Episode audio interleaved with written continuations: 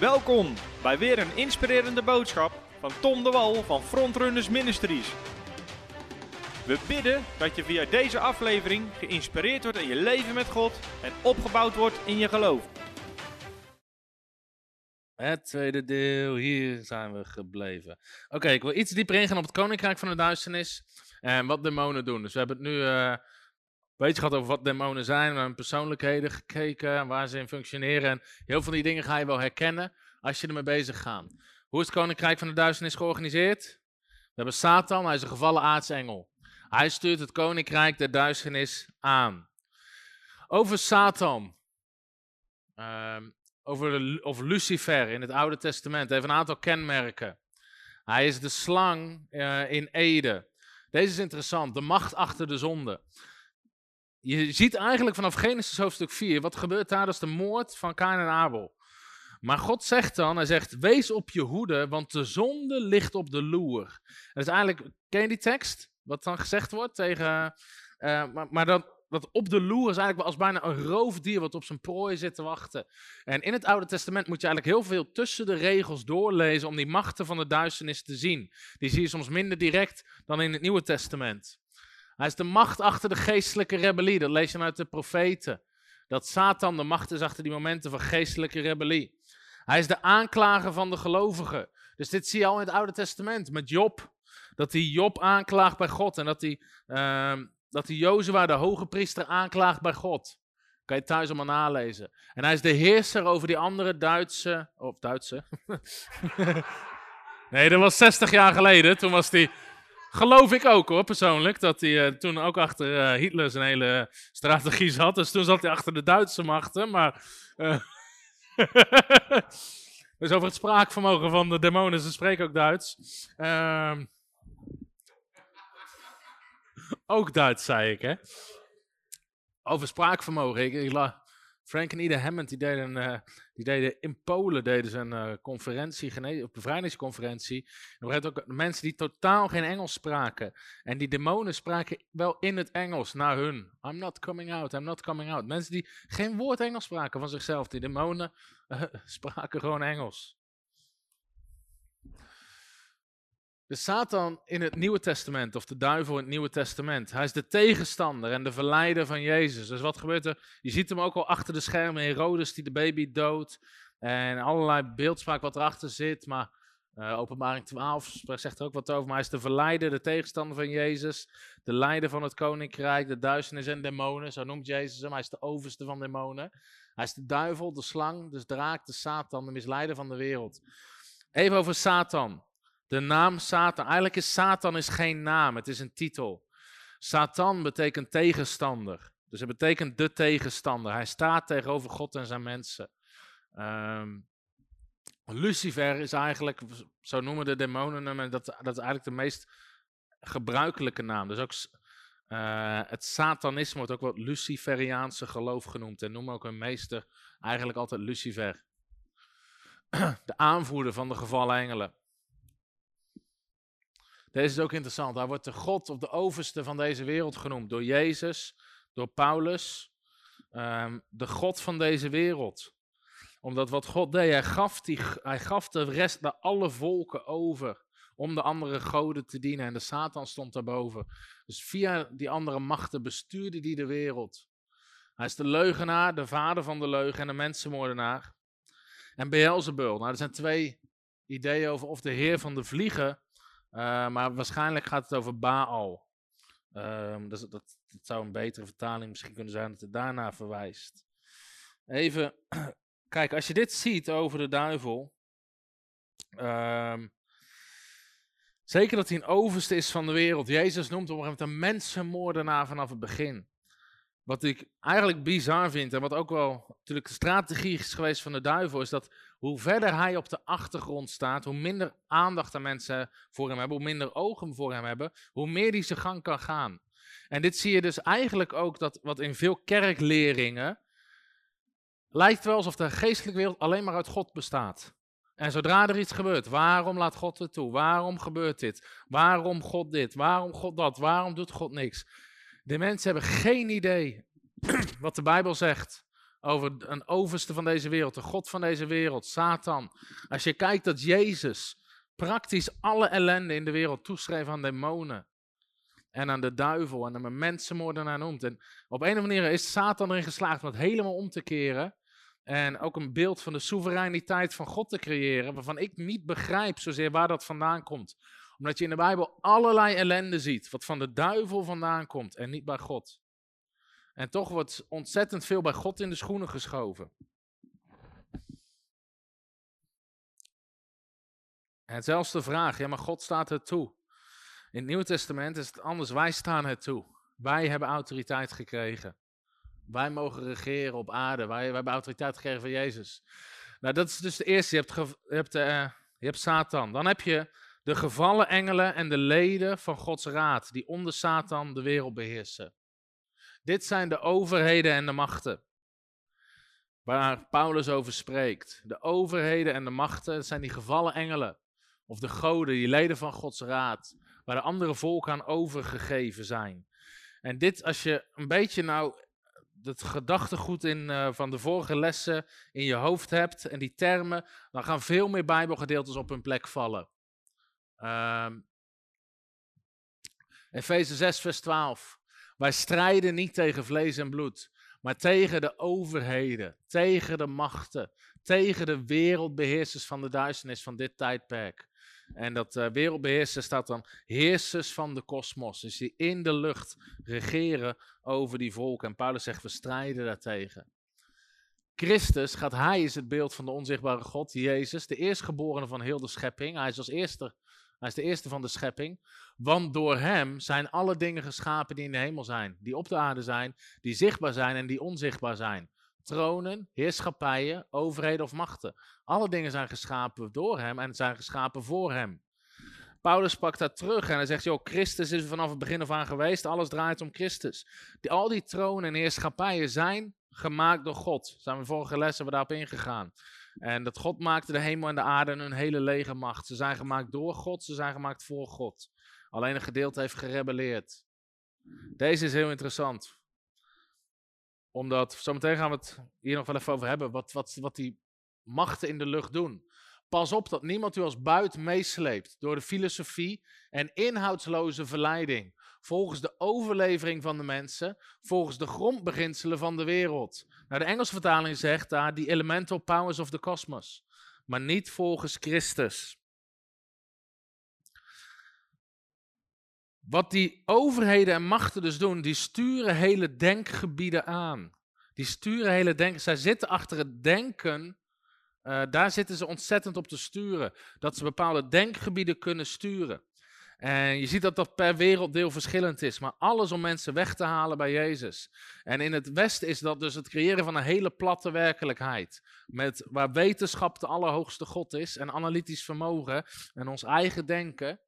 En als, als ze dat denken kunnen creëren, dan is het heel makkelijk, want dan is iedereen atheïst. En mensen geloven niet in God en komen niet tot Christus. En per werelddeel zie je dat, uh, zie je dat uh, maar zie je dat dat verschilt. Maar Paulus zegt dus: pas op dat niemand u als buit, als een soort roof, dat je niet geroofd wordt, meegesleept door de filosofieën van deze wereld, de denkwijzes van deze wereld. Uh, inhoudsloze verleidingen. Volgens de overlevering van mensen en volgens de grondbeginselen van de wereld. Dus volgens de powers of the cosmos. Maar het is niet volgens Christus. Dus Paulus waarschuwt heel erg, op van, waarschuwt heel erg van welke denkwijze volg je, welke denkwijze heerst er. Dus ze zijn aanwezig in de hemelse gewesten, maar ze beïnvloeden de aarde. Ze zijn er aanwezig in de hemelse gewesten, maar ze proberen gigantische invloed uit te oefenen op de aarde.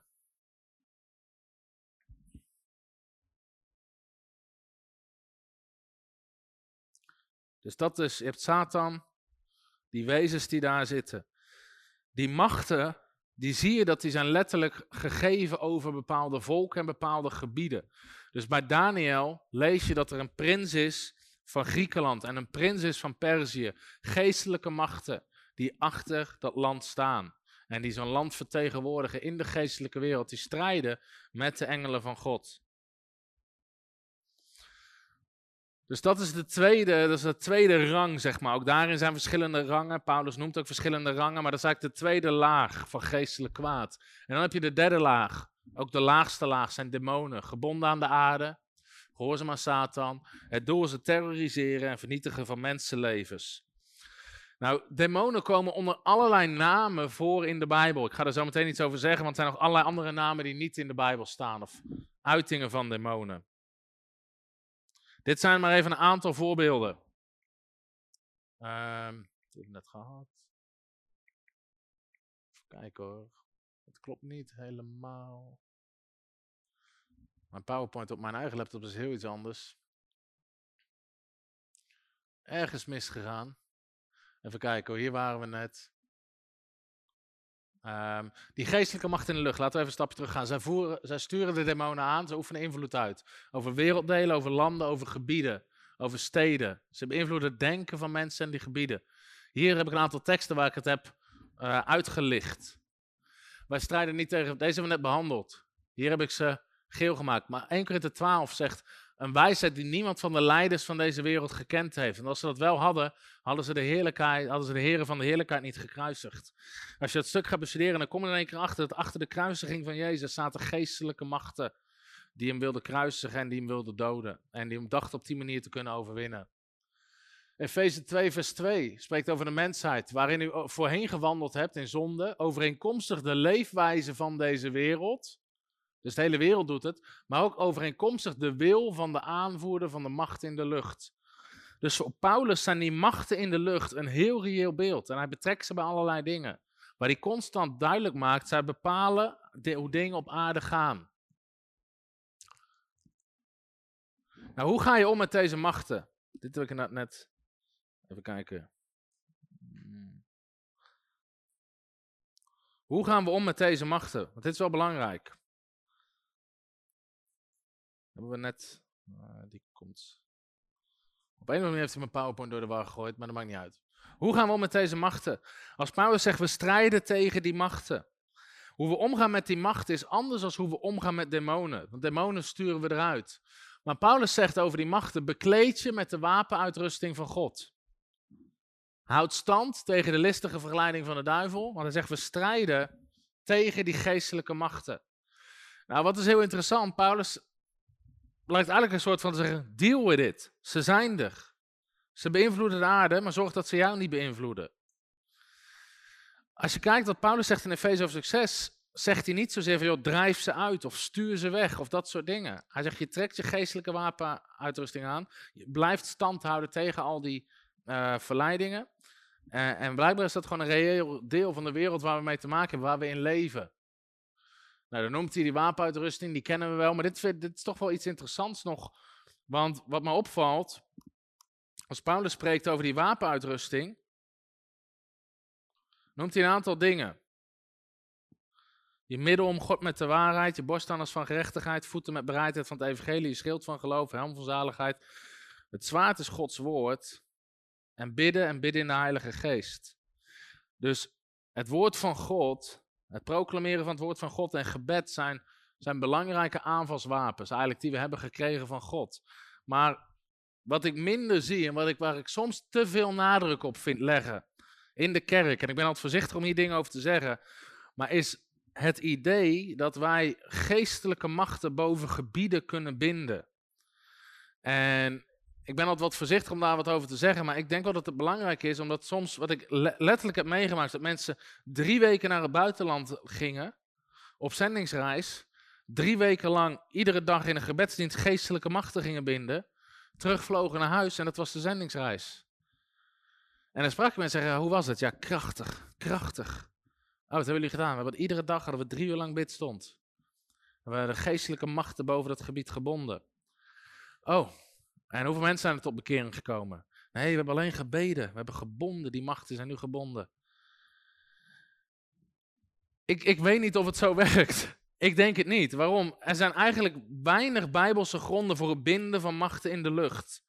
En dan zeggen mensen, ja, maar weet je, zegt Jezus niet dat gebonden is in de hemel, zal gebonden zijn op aarde. Als je die teksten gaat, gaat bestuderen, en ik wil er niet te diep op ingaan, maar dan zeker in de context, dan zie je eigenlijk dat Jezus het daar niet over heeft. Hij heeft het niet over dat soort dingen. Bovendien, wat ik altijd heel erg belangrijk vind, is niet alleen de theorie, maar ook de praktijk. Hoe doet Jezus het zelf? Hoe doen de apostelen het? Hoe doen ze het in het boek Handelingen? En dan zie je eigenlijk dat ze heel nuchter omgaan met die geestelijke machten. Dus zelfs Paulus, die op een gegeven moment in Efeze, handeling hoofdstuk 19, nou, als je dat bestudeerde, zwaar, zwaar, zwaar demonisch. Op een gegeven moment een bekeringsoproep zegt waar we kwamen voor 50.000 zilverstukken aan toverboeken verbranden. Dat, is een hoop. dat is echt een hele hoop. Ehm, of één heel duur boek. Die ze met z'n tienen moesten tillen. Gewoon een boek van drie meter. Maar in ieder geval een hele demonische plek. Met, en dan lees je ook over afgoden tempels en Artemis en allerlei goden. En Paulus kwam op allerlei van dat soort demonische plekken. Jezus ook. Toch lezen we nergens dat ze een bidstond doen om de machten te binden. Wat doen ze wel? Ze gaan er naartoe, ze prediken het evangelie, ze drijven demonen uit, ze genezen de zieken en ze verspreiden het evangelie. En ze zijn eigenlijk heel weinig bezig met het binden van die machten, zoals we dat soms zien in sommige uh, charismatische kringen. Hij heeft echt alles door elkaar gegooid. Kan je de PowerPoint proberen opnieuw op te starten?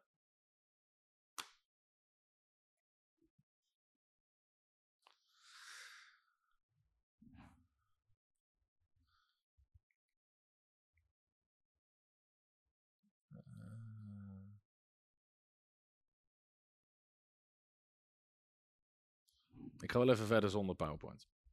Dus, um, gooi maar even uit. Ja. Uh, dat zijn dus die, die gevallen engelen die vanuit de lucht het koninkrijk van de duisternis bestuderen, besturen. Um, dus in het Nieuwe Testament, als je kijkt van uh, hoe gaan ze ermee om, dus ze prediken, maar daarnaast, uh, ik, ik geloof in gebed. Je ziet het ook bij Daniel. Dat Daniel is in gebed. En hij is in bidden en vast. En dan komt, uh, dan komt die andere vorst en die rekent daarmee af. Uh, dus ik geloof in gebed. Ik geloof zelfs dat we bepaalde machten kunnen bestraffen. Laat me daar duidelijk over zijn. Alleen waar zie ik dat gebeuren? Bij Jezus, die op weg is naar een gebied waar, een waar best wel demonisch was, met die bezeten man in Marcus hoofdstuk 5. Hij gaat daar naartoe, hij komt een demonische macht tegen op het meer en die, die valt hem aan met een storm. Nou, hoe weten we dat het demonisch was? Omdat Jezus bestraft die storm en zegt, wees gemuilkorfd en ga liggen.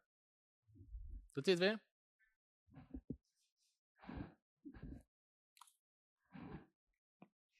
Ja, heel goed. Even kijken. Ja, nou zijn we natuurlijk. Uh... Kan je dat stuk opzoeken over bidden in het Nieuwe Testament? Um, dus, dus hoe gaat Jezus ermee om? Dus even, even terug. Ik geloof in het bestraffen van machten. Als ze je aanvallen, als je ze tegenkomt. Dus Jezus, ze gooien een storm op. En Jezus zegt, wees gemuilkoft, ga liggen. En die storm gaat liggen en hij gaat door en hij bevrijdt die man. Ik geloof 100% was een demonische storm. Was een storm door een van die machten in de lucht. En Jezus bestraft hem. Is helemaal goed om te doen. Alleen ik denk niet dat het goed is om onze aandacht te leggen op constant het binden van demonen in gebieden. En uh, omdat ik daar niet de praktijk van zie in de Bijbel. Dus wat ik zie is als ze het tegenkomen, bestraffen ze het. En gaan ze de confrontatie niet uit de weg. Of als ze aangevallen worden daardoor. Staan ze op in autoriteit, gaan ze de confrontatie niet in de weg. Maar zelfs Jezus was daar vooraf niet mee bezig. Nou, ik geloof ook heilig in het bidden voor samenkomsten en voor de mensen die binnenkomen. En dat je zelfs bepaalde machten kan bestraffen. We doen het ook al met Revive, weet je, als mensen, dat je gewoon bidt voor de mensen die komen. Zegt, Heer, geen enkele macht van de duisternis heeft enig recht hier. Laat mensen vrij zijn, laat mensen vrijkomen van al die dingen. Laat ze niet beïnvloed worden, geloof ik in. Maar ik, ik geloof niet in het ellenlang binden van een religieuze geest. Weet je, zeggen mensen, ja, maar er zit een religieuze geest boven dit gebied. En die binden we en die binden we en die binden we. En die binden we en die binden we. En, de volgende dienst binden ze hem weer. Man, dat ding is zo glad als een paling. Je hebt hem nou al 36 keer gebonden, maar iedere keer is hij er weer. Weet je. Ja, zit zo'n religieuze geest? Kan er zo'n bolwerk zitten? Absoluut. Wat probeert hij te sturen? Het denken. Dus wat is er nodig voor die mensen om vrij te komen, is gewoon de waarheid. Je zal de waarheid kennen en de waarheid zal je vrijmaken. Dus als je kijkt naar het bidden in het Nieuwe Testament, zegt Jezus, bid voor arbeiders. Bid voor arbeiders. Bid voor de vrijmoedigheid om te prediken. Predik het woord. En de wonderen en tekenen om het bevestigen. Bid voor open deuren om het evangelie te prediken. Bid voor de juiste woorden om te prediken en vrijmoedigheid. Er zijn allemaal een aantal tekstreferenties. In het Nieuwe Testament wordt daar dus heel veel om gevraagd. Bidden voor open deuren, vrijmoedigheid om te prediken. Het neerhalen van bolwerken. Dit is ook zo'n ding. Wat, weet je, overal waar ik kom, zeg maar, maakt niet uit welke gemeente je komt, overal wat je vooraf gewaarschuwd. Hier is harde grond, broer. Hier is harde grond. Ik ben nog nooit op een plek geweest waar ze zeggen, joh, hier is zo makkelijk, we vervelen ons bijna. Weet je, maar, ze komen met hordes tot geloof. In ieder geval, of mensen zeggen altijd, maar er zit hier een bolwerk. En de ene zegt, het is een bolwerk van religie. En de ander zegt, het is een bolwerk van, van atheïsme. Of hier zit een bolwerk van dit, of hier zit een bolwerk van dat. En mensen zitten bolwerken te binden. Ik, ik zie dat niet terug in de Bijbel. Ik zie demonische machten over gebieden. Maar dit zegt Paulus over het neerhalen van bolwerken. Hij zegt, al wandelen wij in het vlees, wij voeren geen strijd naar het vlees. De wapens van onze strijd zijn niet, niet vleeselijk, maar krachtig door God tot het afbreken van bolwerken. Nou, even een stapje terug. Wat waren die bolwerken waar Paulus tegenaan liep, zeker bij de Korinthe? Was dat hun denken was verdraaid. Die machten hadden hun denken beïnvloed. Dus je zag nog steeds dat die patronen van hun oude leven zaten daar nog steeds in. Over het leven in zonde en rare ideeën met afgoderij en afgodenoffers. Al die dingen kom je tegen in de Korinthe gemeente. Dus Paulus zegt het allerlei bolwerken. Maar wat doet hij ermee? Wij breken valse redeneringen af. Dus mensen hadden rare redeneringen. Paulus zegt gewoon, die breken we af. Niet door te bidden, je moest een brief lezen, ze krijgen een partij voor een broek. Waarmee hij gewoon tegen zegt, waar zijn jullie mee bezig, man? Weet je, hij, begint gewoon, hij begint, hij begint ze te corrigeren. We breken die valse redenering af. Elke hoogte die zich verheft tegen de kennis van God. Wij nemen elke gedachte te gevangen. Om die te brengen tot gehoorzaamheid aan Christus. En wij staan gereed of wij staan gereed om elke ongehoorzaamheid te bestraffen, zodra uw ongehoorzaamheid volkomen zal zijn. Dus Paulus heeft over het afbreken van, van redeneringen, de kennis van God brengen, ongehoorzaamheid bestraffen. En op die manier haalt hij die bolwerken uit mensen waar ze mee te maken hebben.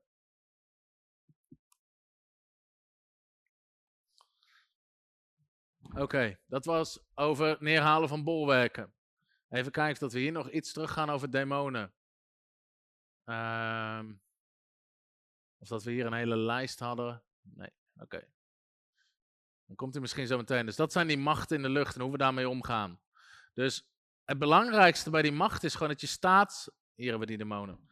Het belangrijkste bij die macht is gewoon dat we staan in de waarheid. Jezus zei: Je zal de waarheid kennen en de waarheid zal je vrijmaken.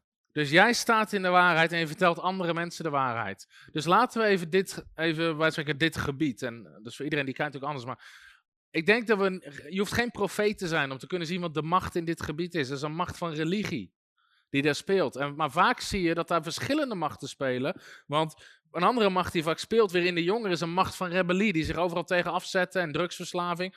Al die machten spelen. Wat hebben die mensen nodig? De prediking van de waarheid. Allebei. Ze hebben allebei nodig dat iemand vertelt dat Jezus van je houdt. Dat hij gestorven is aan het kruis. Ze hebben wonderen en tekenen nodig. Ze hebben nodig dat mensen handen op ze leggen en ze genezen. Demonen uitdrijven. Wat hebben mensen nodig die vastzitten in een bolwerk van religie? Weet je, we, we, kunnen die, we kunnen allerlei bolwerken binden boven gebieden. Maar dat, in het hoofd denken ze nog steeds hetzelfde. Dus ze hebben gewoon iemand nodig die zegt, maar het woord van God zegt dit. En het woord van God zegt dat. En het woord van God zegt dit. Om die mensen uit die machten van religie te halen is gewoon onderwijs is goed onderwijs. En op die manier die bolwerken neerhalen. De bolwerken zitten in ons denken. Dat is wat Paulus duidelijk maakt. Die bolwerken zitten hier.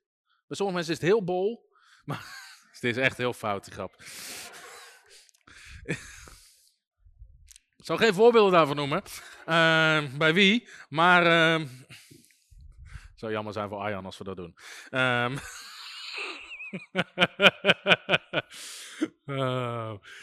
In ieder geval, hier, zit dat bij mensen. Dus en een bolwerk bij iemand die in de geest van rebellie en verslaving zit, is gewoon is een soort is een, geest van een wees die zich nergens bij aangesloten voelt. En die daardoor gaat rebelleren tegen alles wat autoriteit heeft. Die moet gewoon weten dat God van hem houdt, een vader wil zijn in zijn leven. Dat er genade is, dat er vrijheid is. Dat zijn de dingen die ze nodig hebben. Maar iemand moet ze dat vertellen. Dus dat is hoe Paulus omgaat met die bolwerken. Er zijn verhalen in handelingen dat hij door een stad loopt en hij ziet al die goden. Hij beseft het is een bolwerk. En hij begint te prediken.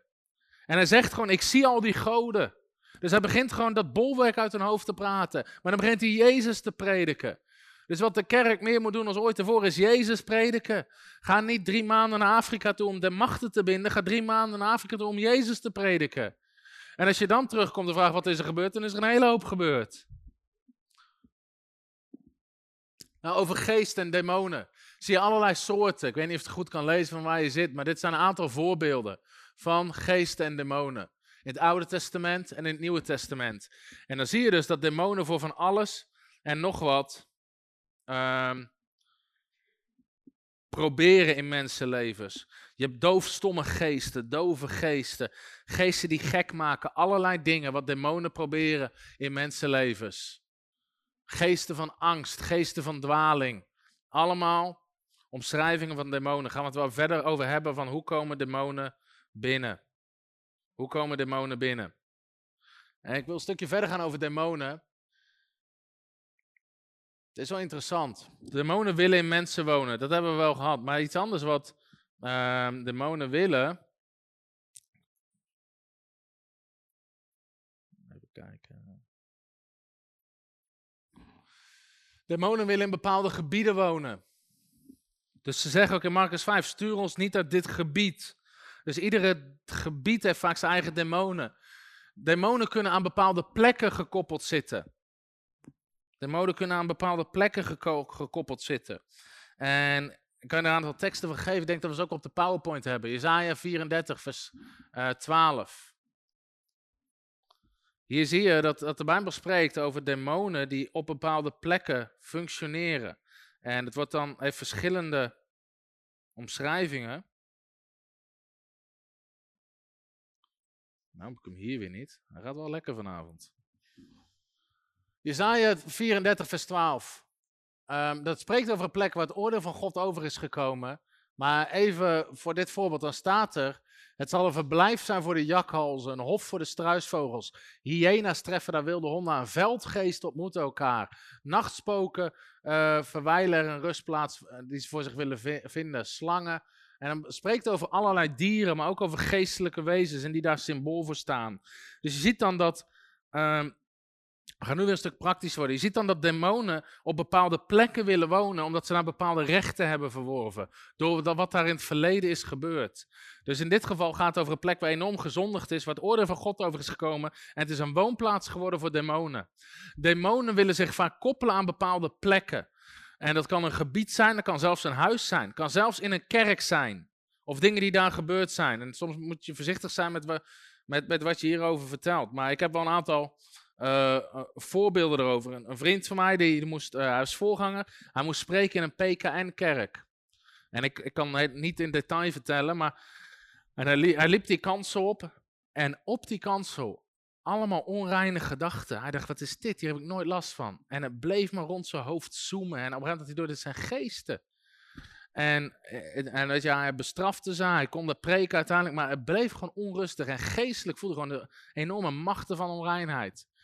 Nou, later kwam die erachter, en ik kan niet in detail trainen, maar in die gemeente, onder het leiderschap, zelfs onder de voorgangers, een enorme immorele onreinheid, seksuele onreinheid was. Met seksuele relaties die, die uh, absoluut niet konden.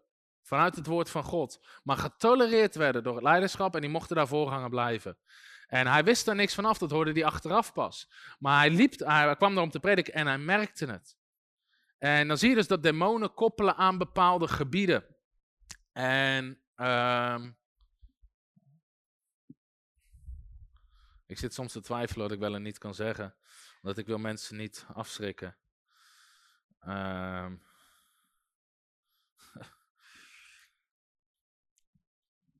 ik ga het wel vertellen en ik hoop dat je er goed mee om kan gaan. Um, in zoverre, de dingen die ik heb meegemaakt op dit gebied is dat één... Uh, en de, reden dat ik aarzel met dit voorbeeld is omdat het omdat de kerk is die we bijna allemaal kennen in Jubilee. En het is niks, heeft niks met Jubilee zelf te maken. Maar de, uh, toen, we net, uh, toen Jubilee net verhuisde van de, hoe heette dat, die buurtzaal. De Bunthoef was een buurthuis naar het Hanse College. En wij we gingen toen verhuizen en ik hielp mee met spullen sjouwen. En in ieder geval, degene die, die wel eens in Jubilee in de kerk komen, die weten dat daar uh, het gedeelte wat, wat Jubilee huurt, dat, er zit geen alarm op. Dat is gewoon alarmvrij, maar de rest staat alarm op. Als je daar een deur opentrekt, of je zet één stap binnen, dan gaat het alarm af. In ieder geval, ik was er de allereerste dag, waar spullen aan het verhuizen en liep daar samen met iemand anders. Ik was er nog nooit geweest, dus je bent daar de weg aan het zoeken. In ieder geval, bij Jubilee, op een gegeven moment als je links binnenkomt, heb je die lift. En daarachter heb je die deuren en op dat gedeelte staat alarm. Dat kan Wilbur waarschijnlijk beamen, toch? En uh, in ieder geval, we moesten spullen naar boven brengen, naar beneden. En ik sta op die lift te wachten. En dat achter, dus iedereen zegt niet verder dan die deuren, daar staat alarm op. En ik sta op die lift te wachten. En die deuren hebben glazen erin, glazen ruiten.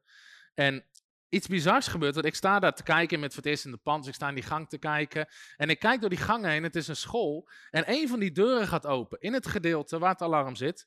En levensecht voor mijn ogen lopen twee tienermeisjes in ondergoed met een slaapzak onder een arm, lopen die deur uit, de gang op en draaien de hoek om.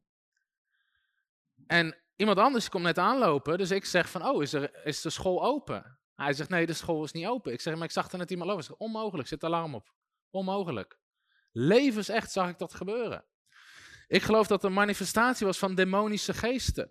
Weet je, wie weet wat er allemaal gebeurd is in zo'n school aan wat kinderen doen, aan occulte spelletjes, weet ik veel, seksuele dingen, immorele dingen, waar demonen zich nestelen. Levensecht zag ik dat gebeuren voor mijn ogen. Nou, toen diegene naast me zei van, er zit alarm op, ik wist even niet hoe ik het had. Alsof ik gewoon op drie meter afstand, voor me gaat de, gaat, gaat de deur open, lopen mensen weg voor mijn neus.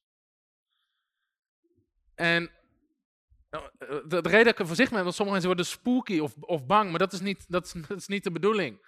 Maar het is wel om aan te tonen hoe reëel de geestelijke wereld kan zijn. En hoe geesten bepaalde gebieden in bezit kunnen nemen. Of wat daar gebeurd is, dat ze daar aan koppelen. Je hebt misschien wel eens gehoord van huizen die bezeten zijn.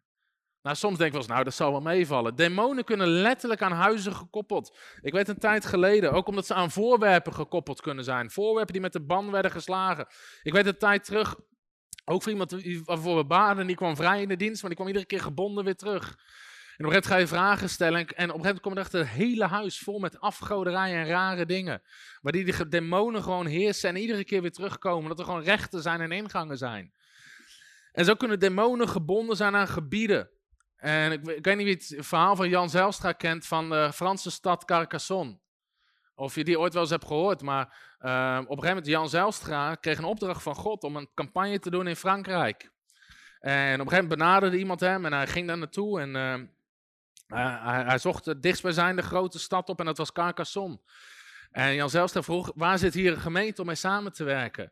En die man die hem daar begeleidde, ook een christen, zei: Je zit geen gemeente. 1200 jaar geleden, of in het jaar 1200 zijn alle wedergeboren christenen zijn hier vermoord. En sinds die tijd is er nooit meer iemand die hier een gemeente heeft kunnen stichten. En God zei tegen hem: Dat is de plek waar je campagne moet doen. Maar wat daar gebeurde was, was een bolwerk van demonen geworden. En om even, om een lang verhaal kort te maken. De allereerste nacht dat ze daar waren, gewoon op verkenning om te kijken welke zaal kunnen we huren.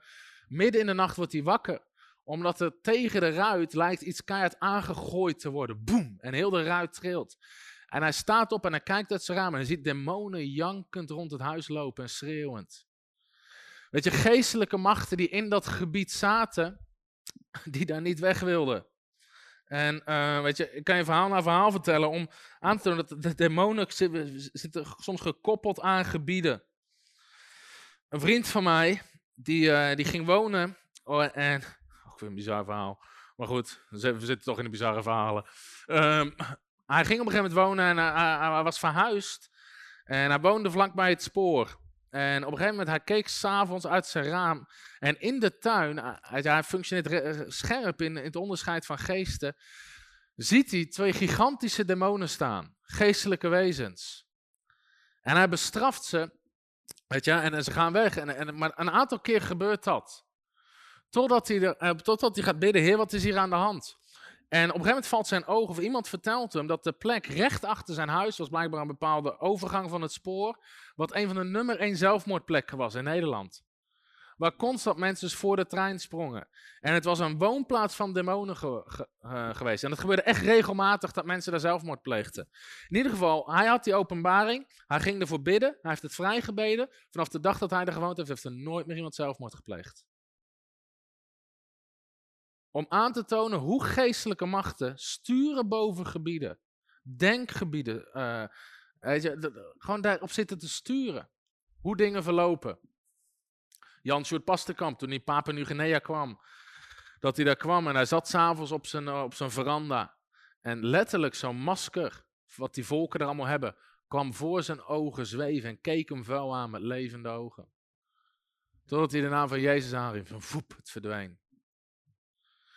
En die eigenlijk duidelijk wilde maken, we zitten hier niet op jou te wachten. We zitten hier niet op jou te wachten. Dus demonen kunnen aan gebieden gekoppeld zitten. Ook aan voorwerpen. En er zijn allerlei teksten over. Uh, maar voorwerpen. Toevallig een paar weken terug sprak ik nog iemand. En ik ben altijd voorzichtig met dit soort verhalen, omdat ik niet wil dat we te veel in dat soort dingen gaan zoeken. Maar hij had voor zijn vrouw gebeden. Zijn vrouw was ziek en uh, eigenlijk ongeneeslijk ziek. En er kwam maar geen doorbraak en er kwam maar geen doorbraak. En op een dag was hij aan bidden en vasten. En toen wees God hem op een, op een armband die zijn vrouw altijd droeg. En de ziekte die ze had was een bepaalde vorm van bloedarmoede. En, en, en God zei tegen hem: Je vrouw moet die armband weggooien. En uh, dus hij ging thuis naar zijn vrouw. Nou, ik weet niet hoe dat gesprek is verlopen. Misschien heeft hij de eerste nacht op de bank geslapen. Maar uh, nee. Uh, in ieder geval, hij zei, hij zei: Joh, ik heb gebeden gevast. Dit is wat de Heer heeft gezegd. En ze gingen uitzoeken. Ze hadden die armband cadeau gekregen of gekocht met bepaalde steentjes eraan. Ze, ze gingen uitzoeken: wat is dit eigenlijk? Waar komt het vandaan? En het bleek dus dat die stenen gebruikt werden in, in, in andere occulte godsdiensten voor bloedziektes. En ze gooiden het weg, ze baden opnieuw voor en ze genas compleet. Ik ben altijd een beetje voorzichtig met dit soort van. Ik geloof het 100%, hij is echt betrouwbaar. En ik, ik ken zelf ook dit soort verhalen, omdat ik niet te veel wil dat we te veel in dat soort dingen gaan zoeken. Oh, een oranje horlogebandje.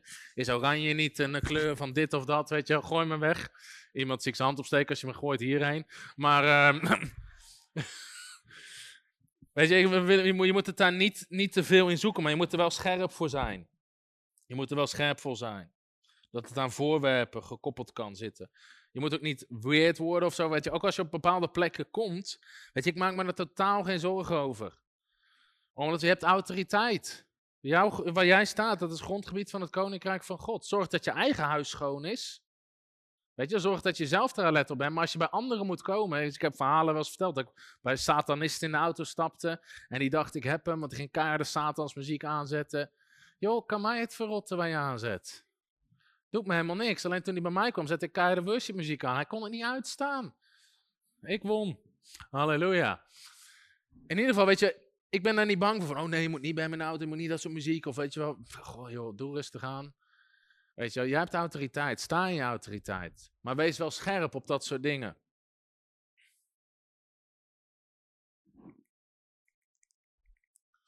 Eens even kijken.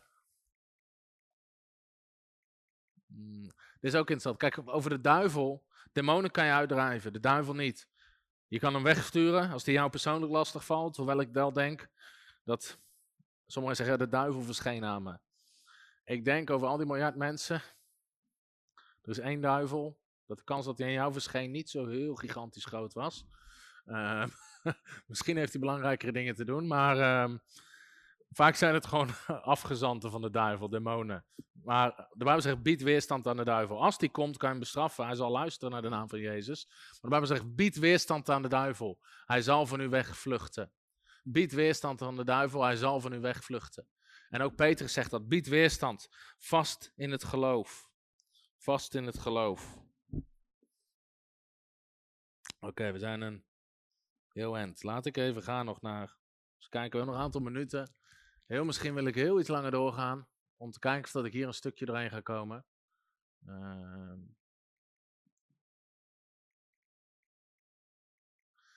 demonen, wat doen ze? Drie doelen van demonen. En dit lijkt logisch, maar ten eerste voorkomen dat we Christus leren kennen. Ten tweede voorkomen dat we effectief Christus dienen als je tot geloof bent gekomen. En ten derde gewoon ons, en dan bedoel ik de mensheid, tegenwerken, lastigvallen, pijn doen en kwellen. Dat is wat demonen doen. Dus wat doen demonen? Dit is wat ze doen, wat ze proberen. Nou, kunnen, Christen, kunnen christenen in demonen wonen? Nee. Ik heb ooit wel, nou goed, ik ga dat niet vertellen, was zo'n foute grap van een prediker die ik ooit hoorde maken. Maar goed, kunnen demonen in christenen wonen? Dit is altijd een, lijkt toch wel een discussie te zijn. En gelukkig de laatste tijd wel wat minder. Maar kunnen demonen in christenen wonen? Ik geloof van wel. Maar we moeten onderscheid maken tussen verschillende niveaus van demonie. Demonen proberen je te beïnvloeden, proberen ze bij iedereen. Dus ze, die vurige pijlen, ze liegen, ze zeggen dingen tegen je. Gebeurt bij iedereen. Weet je, dat er in één keer een gedachte komt, of in één keer een stem komt die iets zegt en probeert ingang te krijgen. Dat is beïnvloeden. Dan heb je bezetten, dat ze in iemand kunnen wonen. En dan heb je bezitten. Nou, een demon of Satan kan nooit een christen bezitten. Want je bent bezit, jouw geest is wedergeboren en is van Jezus, is van God. Maar hij kan wel bepaalde delen van je lichaam bezetten. Gaan we zo meteen nog over hebben. Een christen kan beïnvloed worden door demonen. Een christen kan bezet zijn door demonen. Een christen kan geen bezit zijn van demonen. Tenzij hij of zij zondigt tegen de Heilige Geest. Nou, ik heb geen tijd om dit uit te leggen. Uh, dus ik wil eigenlijk uit dat ik deze week of volgende week een aparte video kan doen over wat is de zonde tegen de Heilige Geest. Omdat ik zo, nou niet heel veel, maar ik ontmoet wel regelmatig christenen die bang zijn dat ze dat gedaan hebben, helemaal in paniek zitten. Van, oh, ik heb misschien wel gezondigd tegen de Heilige Geest en kan ik wel vergeven worden. Dus ik ga gewoon een aparte video in de studio doen over wat is de zonde tegen de Heilige Geest. Maar kunnen demonen in christenen wonen? Ja. Want sommigen zeggen, ja, maar een, demon kan niet in een christen wonen, want dat is, dat is dat je de Heilige Geest woont daar. Nou ja, de meeste christenen kunnen ook nog prima zondigen. Terwijl de Heilige Geest in, in ze woont. Ze kunnen ziek zijn, ze kunnen roddelen, ze kunnen allerlei dingen doen. Dus Um, de duivel verliest niet alle invloed op je leven, wel alle autoriteit. Maar christenen kunnen, uh, weet je, er is gewoon ruimte voor. Jezus dreef demonen uit bij gelovige Joden. Marcus 1, vers 39. Hij preekte in een synagoge door heel Galilea en hij dreef er de demonen uit. Ik weet, dit waren geen wedergeboren christenen, maar Jezus dreef demonen uit bij gelovige Joden. Hij predikte in hun synagoge de heel Galilea en dreef de demonen uit. Nou, daarnaast, de Bijbel waarschuwt christenen nadrukkelijk ervoor geen ruimte te maken voor de duivel en geen andere geesten te ontvangen. Nou, als dat niet zou kunnen, hoef je er niet voor te waarschuwen. 1 Timotheüs 4 vers 1. Maar de geest zegt nadrukkelijk dat er in latere tijden sommigen afvallig zullen worden van het geloof, zich zullen wenden tot misleidende geesten en leringen van demonen. Dus mensen die misleidende geesten achterna gaan. 2 Korinthe 11 vers 3. Alleen het laatste gedeelte. Dan waarschuwt hij dat u geen andere geest ontvangt dan die u ontvangen hebt. Nou, als dat niet kan, zou je er niet voor hoeven te waarschuwen. Dus het lijkt gewoon dat christenen kunnen uh, absoluut demonen hebben. Wat belangrijk is om te weten is dat christen bestaat uit geest, ziel en lichaam. Jouw geest is wedergeboren. Daarover zegt de Bijbel, alle dingen zijn nieuw geworden. Maar jouw ziel, jouw emoties zijn niet wedergeboren. De Bijbel zegt, die moet je zelf vernieuwen, heiligen, zalig maken met het woord van God. Dus in het gebied van je ziel en ook het gebied van je fysieke lichaam kunnen nog steeds demonen wonen. En dan gaan we wel kijken hoe dat met ingangen zit. Uh, maar daarvan ben je niet vrij. Oké, als laatste wil ik proberen om kort, ik ga het echt proberen. Uh, geef me 10 minuten en dan gaan we er doorheen. Of ga ik dat de volgende keer doen? Eens even kijken. Uh, ik ga het de volgende keer doen. Ik wil kijken dat er nog een aantal vragen zijn. En de volgende keer wil ik dan heel uh, praktisch gaan kijken. Wat doen demonen in mensenlevens? Hoe weet je of je met demonen te maken hebt? En uh, een aantal andere dingen die we nog gaan behandelen. De volgende lessen is. Even kijken, ik heb het hier staan. Uh, hoe komen demonen binnen? Wil ik het volgende keer ook over beginnen. De rechtsgronden in mensenlevens. Hoe kan nou dat demonen binnenkomen? Of hoe kan je ze eruit houden? Minstens zo belangrijk. Uh, avond 4 wil ik gaan hebben over bidden, bidden, van, bidden voor bevrijding manifestaties, bidden voor bevrijding. Hoe doe je dat? En hoe blijf je vrij van demonen? Ook avond 5. Maar ik denk dat we alle avonden dik nodig gaan hebben. Hey, het onderwijs wat je net hebt gezien is onderwijs wat we geven aan onze tweedejaars bijbelschoolstudenten. En we hebben besloten om deze module ook op YouTube te zetten om zoveel mogelijk mensen uh, ermee te zegenen. Maar wil je veel meer van dit soort onderwijs over genezing, bevrijding, wandelen in je roeping, kan je een account maken op www.bijbelschool.tv en dan kan je onze bijbelscholen gewoon op afstand volgen op je eigen tijd, je eigen locatie en je eigen tempo. En wil je de Bijbelschool fysiek volgen? Elk jaar in januari start de Bijbelschool opnieuw in Werkendam. We hopen je daar te ontmoeten. Hallo, Tom de Wol hier en bedankt dat je weer geluisterd hebt naar onze podcast. Ik bid dat het je geloof gebouwd heeft en je bemoedigd bent. Als je niet alleen een luisteraar van onze boodschap wil zijn, maar ook een verspreider daarvan, wil ik je uitnodigen om partner te worden van Frontrunners. Door jouw maandelijkse donatie help je ons om dit evangelie van Jezus Christus en het woord van God over heel de aarde te brengen. Om partner te worden ga naar www.frontrunnersministries.nl slash partners en word partner. Hartelijk bedankt en tot snel. Heb je ook zo genoten van deze inspirerende boodschap van Tom de Wal? Abonneer je dan op deze podcast. Volg ons op Facebook en op Instagram en kijk op onze website frontrunnersministries.nl.